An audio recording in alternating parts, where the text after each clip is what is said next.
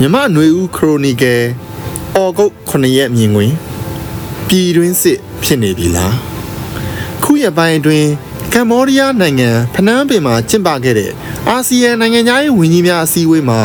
စင်ကာပူနိုင်ငံသားရေးဝန်ကြီးကမြန်မာနိုင်ငံအခြေအနေဟာပြည်တွင်းစစ်ဖြစ်ပွားမဲ့အခြေအနေမျိုးကိုသက်ဆင်းနေပြီး၄နှစ်ကနေနှစ်20လောက်ထိလဲကြာနိုင်တယ်လို့တချို့သောလေလာအကဲခတ်သူအဖွဲ့အစည်းတွေရဲ့ပြောဆိုချက်ကိုကိုးကားပြီးပြောဆိုလိုက်ပါတယ်။ သူ့ရဲ့ကောက်ချက်ချမှုမဟုတ်ဘဲတချို့သောတင်းတန့်အဖွဲ့အစည်းတွေရဲ့ခံမှန်းအကဲဖြတ်မှုဖြစ်ပါလိမ့်မယ်။သူ့ရဲ့ပြောဆိုချက်မှာလဲသူကအဲ့လိုကြားသိနေရတယ်ဆိုတာမျိုးပြောဆိုခဲ့တာလဲဖြစ်ပါတယ်။မြန်မာနိုင်ငံရဲ့အခြေအနေကနိုင်ငံတကာကတင့်တဲ့အဖွဲ့တွေကနိုင်ငံရေးအဖြစ်အပျက်တွေကိုစောင့်ကြည့်မှတ်တမ်းတင်တဲ့အဖွဲ့အစည်းတွေကရရှိတဲ့အချက်လက်တွေပေါ်မှာသူသေသနာပြုခံမှန်းတွက်ချက်ကြတာတွေဖြစ်နိုင်ပါတယ်။တကယ်တမ်းပြည်တွင်းမှာဘလို့ဖြစ်ပျက်နေသလဲ ပြိပက္ခမှာပါဝင်နေတဲ့အဖွဲ့အစည်းတွေရဲ့ယက်တီချက်ညှော်မှန်းတွေးဆမှုဆုံးဖြတ်ချက်တွေနဲ့အပြင်မှာတကယ်ဖြစ်ပျက်နေတဲ့အခြေအနေတွေက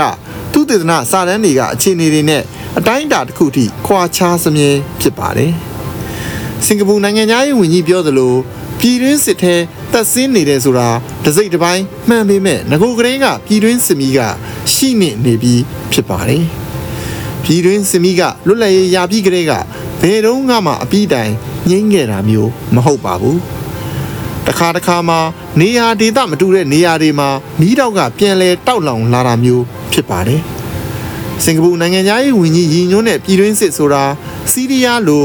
အာဖဂန်နစ္စတန်လိုတနိုင်ငံလုံးအနှံ့အပြားဖြစ်ပွားတဲ့ပြည်တွင်းစစ်လိုအဆင့်မျိုးကိုရည်ညွှန်းပြောဆိုတာလဲဖြစ်ကောင်းဖြစ်ပါလိမ့်မယ်။မြန်မာနိုင်ငံကလွတ်လပ်ရေးရပြီးကတည်းကနိုင်ငံရေးအယူဝါဒအပေါ်အခြေခံတဲ့လက်နက်ကင်အဖွဲ့ လူမျိုးစုအခွင့်အရေးရရှိဖို့ပေါ်အခြေခံတဲ့လက်နက်ကင်အဖွဲ့တွေပေါ်ထွက်လာခဲ့ပြီးနှစ်80ကျော်သမိုင်းမှာလူမျိုးစုလက်နက်ကင်တိုက်ပွဲပေါင်းဒါဇင်နဲ့ချီရှိခဲ့က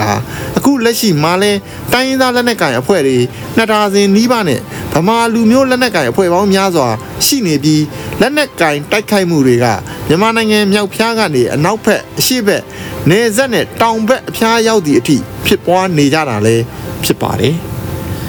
လက်နက်ကင်တိုက်ခိုက်မှုတွေတပြိုင်နက်တည်းတနေရာတိုင်းမှာဖြစ်ပွားနေတာမျိုးမဟုတ်ပေမဲ့ဒေသအလိုက်စိုးမိုးထားတဲ့ထိမ့်ချုပ်ထားတဲ့အဖွဲ့အစည်းတွေရဲ့နိုင်ငံရေးရည်တည်ချက်အမြင်လက်နက်အင်အားလူအင်အားငွေအင်အားပေါ်မူတည်ပြီးဆယ်စုနှစ်များစွာနိုင်ငံရေးအာဏာကိုချုပ်ကင်လွှမ်းမိုးထားတဲ့စစ်တပ်ကိုတိုက်ခိုက်နေကြတာမျိုးဖြစ်ပါတယ်။ຫນွေဦးတော်လှန်ရေးလို့တင်စားခေါ်ဆိုကြတဲ့2021စစ်အာဏာရှင် စန့်ကျင်တိုက်ဖြတ်ရေးလှုပ်ရှားမှုအပြီးမှာတော့ဗမာလူမျိုးတွေအများစုနေထိုင်တဲ့တိုင်းဒေသတွေမှာပါလက်နက်ကင်အဖွဲ့တွေအစ်စ်ပေါ်ထွက်လာပြီးငကိုစစ်အာဏာမသိမ်းမီကြာဖုံးနေတဲ့ပြည်ရင်းစစ်ကလောင်စာတွေထပ်ပြေလာပြီးအရှိန်နဲ့တောက်လောင်လာတာလည်းဖြစ်ပါတယ်မြန်မာနိုင်ငံကယူကရိန်းမဟုတ် စီးရီးယားမဟုတ် အာဖဂန်မဟုတ်အီရန်မဟုတ်တာကြောင့်ဝယ်ယူတာ မဟုတ်ဘဲနိုင်ငံတချို့ကလက်နက်ထောက်ပံ့မှုတွေအခုချိန်ထိတော့မမြင်တွေ့ရသေးပါဘူးယူကရိန်းစီးရီးယားတို့လိုဖြစ်ခဲ့ရင်တော့နိုင်ငံတချို့ရဲ့ကိုစားပြုစစ်ပွဲနဲ့မိမိတို့ရဲ့အကျိုးစီးပွားရန်သူနိုင်ငံရေးဝါဒအရရန်သူကိုတိုက်ခိုက်တဲ့စစ်ပွဲမျိုးဖြစ်ကောင်းဖြစ်လာနိုင်ပါတယ်။သို့ပေမဲ့မြန်မာနိုင်ငံလက်ရှိအနေအထားကကိုစားပြုစစ်ပွဲတိုက်တဲ့အနေအထားတော့မဟုတ်ဘူးလို့ဆိုရမှာဖြစ်ပါတယ်။ နိုင်ငံတကာပါဝင်စွတ်ဖက်မှုမရှိတဲ့အနေအထားမှာပြည်တွင်းစစ်ပိုကျေပြန့်လာမလား။တဖြည်းဖြည်းအရှိန်ရော့သွားမလားဆိုတာကပါဝင်ပတ်သက်နေတဲ့အဖွဲ့အစည်းတွေရဲ့ယက်တီချက်အင်အားစုစည်းမှုကွဲပြားမှုတွေအပေါ်မှာတီမီနေတာလည်းဖြစ်ပါတယ်။ဗဟိုအင်အားလို့ခေါ်တဲ့ နိုင်ငံရဲ့အရင်းအမြစ်ကိုအများဆုံးထိန်းချုပ်သုံးစွဲတိုက်ခိုက်နေတဲ့စစ်ကောင်စီတပ်ရဲ့စူးစီးနိုင်မှုအခြေအနေနဲ့တစ်ဖက်မှာတခြားသောလက်နက်ကင်တိုက်ဖွဲ့တွေကြားဘုံသဘောတူညီမှုရှိနိုင်တဲ့အခြေအနေနှစ်ခုကိုနှိုင်းယှဉ်အကဲဖြတ်ပြီးဘယ်သူကအားတာနိုင်မလဲဘောလုံးစကားနဲ့ပြောရင်ပွဲဘယ်လောက်ပြတ်နိုင်မလဲဆိုတော့ရလက်ပေါ်ထွက်လာမယ်လို့ခံမှန်းရပါတယ်